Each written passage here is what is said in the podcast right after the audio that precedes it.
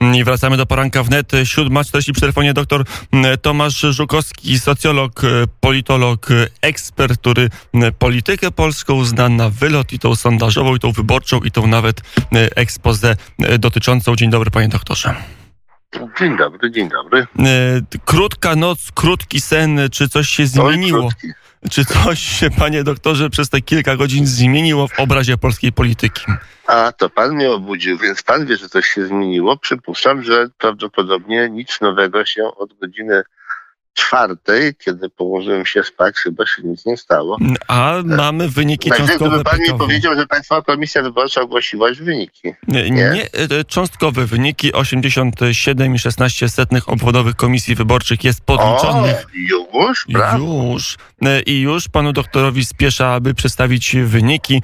Andrzej Duda ponad 45%, dokładnie 45% i 24 setne. Rafał Trzaskowski 28,92 setne. Szymon Hołownia 13,69 setnych. Krzysztof Bosak 6,79 setnych i e, Władysław Kośniak-Kamysz wyprzedził Roberta Biedronia, bo ma e, prawie 2,5, a Robert Biedroń No 2,12.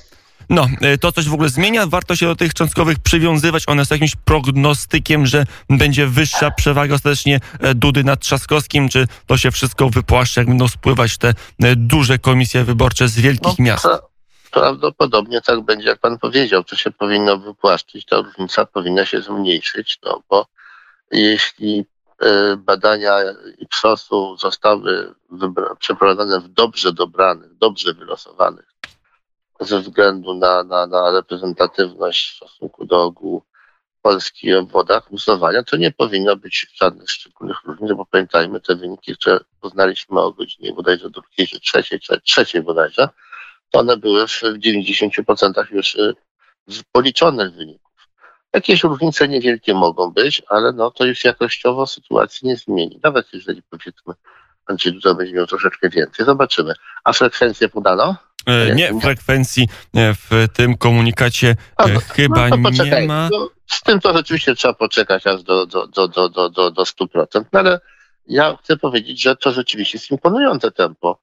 E, W porównaniu z tym, jak e, Komisja, Państwowa Komisja Wyborcza czy Krajowe Biuro Wyborcze pracowało e, w, w, w okresie, kiedy jeszcze nie, nie mieliśmy tej reformy, która zmieniła troszeczkę jej, jego i sposób funkcjonowania, no to, to liczenie zaczęło się znacznie, znacznie wolniej. Pamiętam, że szczególnie zasłużony w cudzysłowie był tutaj warszawski oddział struktur, który zazwyczaj liczył to no, przynajmniej o dzień albo półtora dwa, albo półtora dłużej.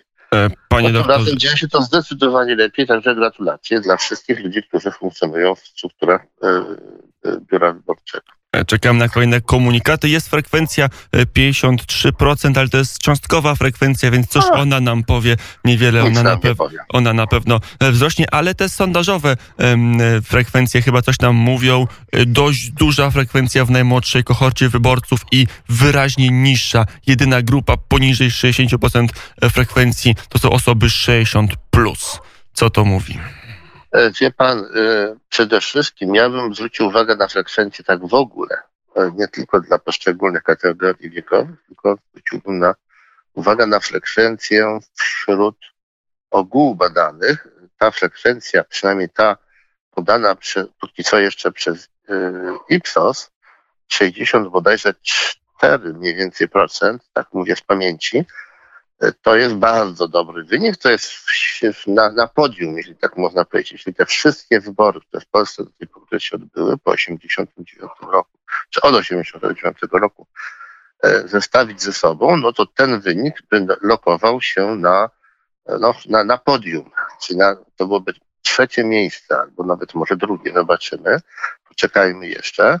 Tylko raz, tylko, czyli w 1995 roku, ja pamiętam, młodzi to na pewno tego nie mogą pamiętać, w podręcznikach tego chyba nie ma, a jeśli nawet jest, to pewnie nie jest to do tego okresu omawiane, no to są oczywiście wybory prezydenckie e, Wałęsa-Kwaśniewski, które no, charakteryzowała szczególnie wysoka temperatura emocji, a w konsekwencji mobilizacji obu stron do tego, żeby pójść i głosować. No ale z drugiej strony mamy ten rozkład i widać, że tereny raczej konserwatywne poszły trochę słabiej, osoby starsze, może kwestia pandemii także słabiej. Te grupy, gdzie, które są rezerwuarem wyborców Andrzeja Dudy, jakby nie były tak bardzo zmobilizowane jak, jak rezerwuary, czy te twarde elektoraty Rafała Trzaskowskiego. Wie pan, ja tu chyba, chyba tutaj takich jakościowych różnic chyba jednak nie było. Ja bym jednak poczekał i i, do koń, i, i wtedy porównał.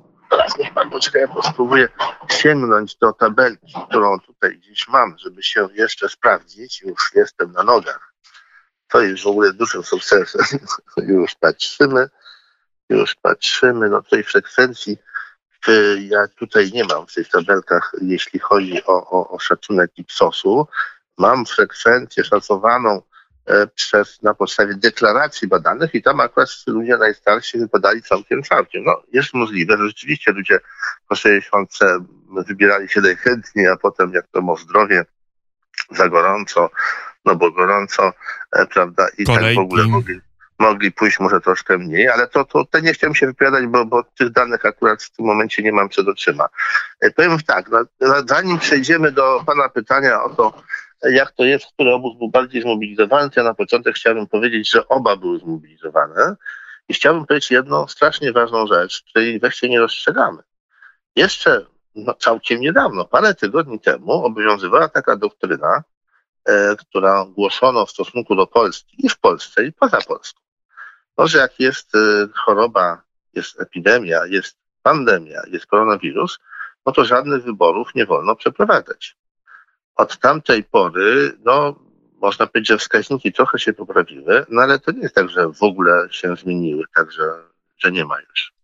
W dalszym ciągu jest choroba i ona w dalszym ciągu jest poważnym, poważnym problemem dla całego świata, może dla Europy już mniej, no ale proszę Państwa, Polska jest pierwszym no, znaczącym krajem Unii Europejskiej, który w trakcie pandemii, chociaż w fazie jej no, pewnego zmniejszenia, przeprowadził wolne, demokratyczne wybory. I to przeprowadził je z całkowitym powodzeniem. Nie mieliśmy do czynienia z żadną e, katastrofą epidemiologiczną, jak na razie odpukać. E, staraliśmy się przestrzegać, no każdy z nas, jeśli był, ten kto był, to widział, e, prawda, jakie były zastosowane środki ostrożności. Ten, kto nie był z powodu tego, że się obawiał, no też wie, dlatego właśnie nie był. Czyli pamiętaliśmy o tym, że jest koronawirus i poszliśmy do wyborów i głosowaliśmy. I to się okazało, że demokracja może w tym sensie wygrać z pandemią. Że powtórzę raz jeszcze, jeszcze parę tygodni temu przecież mnóstwo autorytetów mówiło, że ze względu na chorobę nie wolno przeprowadzać yy, wyborów. I że dla demokratycznego państwa prawa najlepszym rozwiązaniem tego problemu jest rezygnacja z demokracji. Jeszcze raz powtórzę, że dla demokratycznego państwa prawa tak mówiono i tak mogliśmy czytać na nasz, pod naszym adresem w bardzo poważnych tytułach prasowych i wśród bardzo wybitnych polityków w Parlamencie Europejskim, prawda, że jeżeli w Polsce ma być demokratyczne państwo prawa, to w takim razie należy zrezygnować z demokracji, najlepiej wprowadzić stan wyjątkowy. No, ja to słyszałem na własne uszy. Na pewno wszyscy państwo tak. Ja wiem, że cykl pamięci obywatela w społeczeństwie doskonałym konsumpcji ma być tak długi jak termin trwałości artykułów spożywczych, takich szybko psujących się, ale tym niemniej mam nadzieję, że jeszcze pamiętamy to wszystko. Panie to się okazało, proszę Państwa, tak, wygraliśmy demokracją. Pan... Z demokracją. Wygraliśmy demokracją z kryzysem naszym, również z oskarżeniami o problemy z polską demokracją. Przy telefonie no to Tomasz, sukces. Tomasz Żukowski y, i radiosłuchacze mogą być nieco zniecierpliwieni, kiedy my w końcu zaczniemy omawiać wyniki, bo y, to jest istotne. Tomasz nie, nie, najważniejsze jest to, co powiedziałem. No dobra, ale jak już żeśmy uznali, że to już nie jest nieważne, nie, nie, znaczy, to, to jest... uznajemy, że to już nie jest nieważne, to ja się cieszę, bo to znaczy, że te wszystkie zarzuty, że w Polsce nie ma demokracji, zwrócił uwagę, że w czasie kampanii na ten temat nikt nie mówił, łącznie z panem Trzaskowskim. Bo to nie był temat, bo to nie było ważne, bo to po prostu nie jest. Znaczy to, to nie istnieje faktycznie bo poza teza była dęta i e, na wyrost, dlatego okazało no się... właśnie, to e, cieszę się, że pan to podsumował, to ja już dalej nie muszę mówić. E, to teraz na, na, na koniec naszej rozmowy, panie doktorze, zajmijmy się tymi wynikami. Tomasz Siemoniak przed panem doktorem występował na antenie Radia Wnet i mówił, Aha. że Andrzej Duda nie bardzo ma skąd czerpać, natomiast Krzyż, Rafał Trzaskowski Trzaskowski to, to ma e, cały elektorat przed sobą stojący otworem. Tak jest, czy tak nie jest? No wie pan, znaczy, można by powiedzieć, że rzeczywiście na pierwszy rzut oka i nawet na drugi rzut oka ta różnica między oba panami może się na mecie, e, czyli pod koniec drugiej tury trochę zmniejszyć, bo rzeczywiście e, troszkę jest więcej tych e, głosów, które już tych kandydatów, którzy już nie będą mogli startować, bo, nie, bo są poza pierwszą dwójką. Tu są rzeczywiście osoby, które częściej były na opozycji, ale to nie jest aż tak, jakby to wynikało z wypowiedzi pana Siemoniaka, który wiem, że cytował e, prawda, swojego lidera, który odjął od wyniku pana Andrzeja Dudy E, odjął to od stu i wyszło może cała reszta do swojego zwolennicy. To jest nieprawda.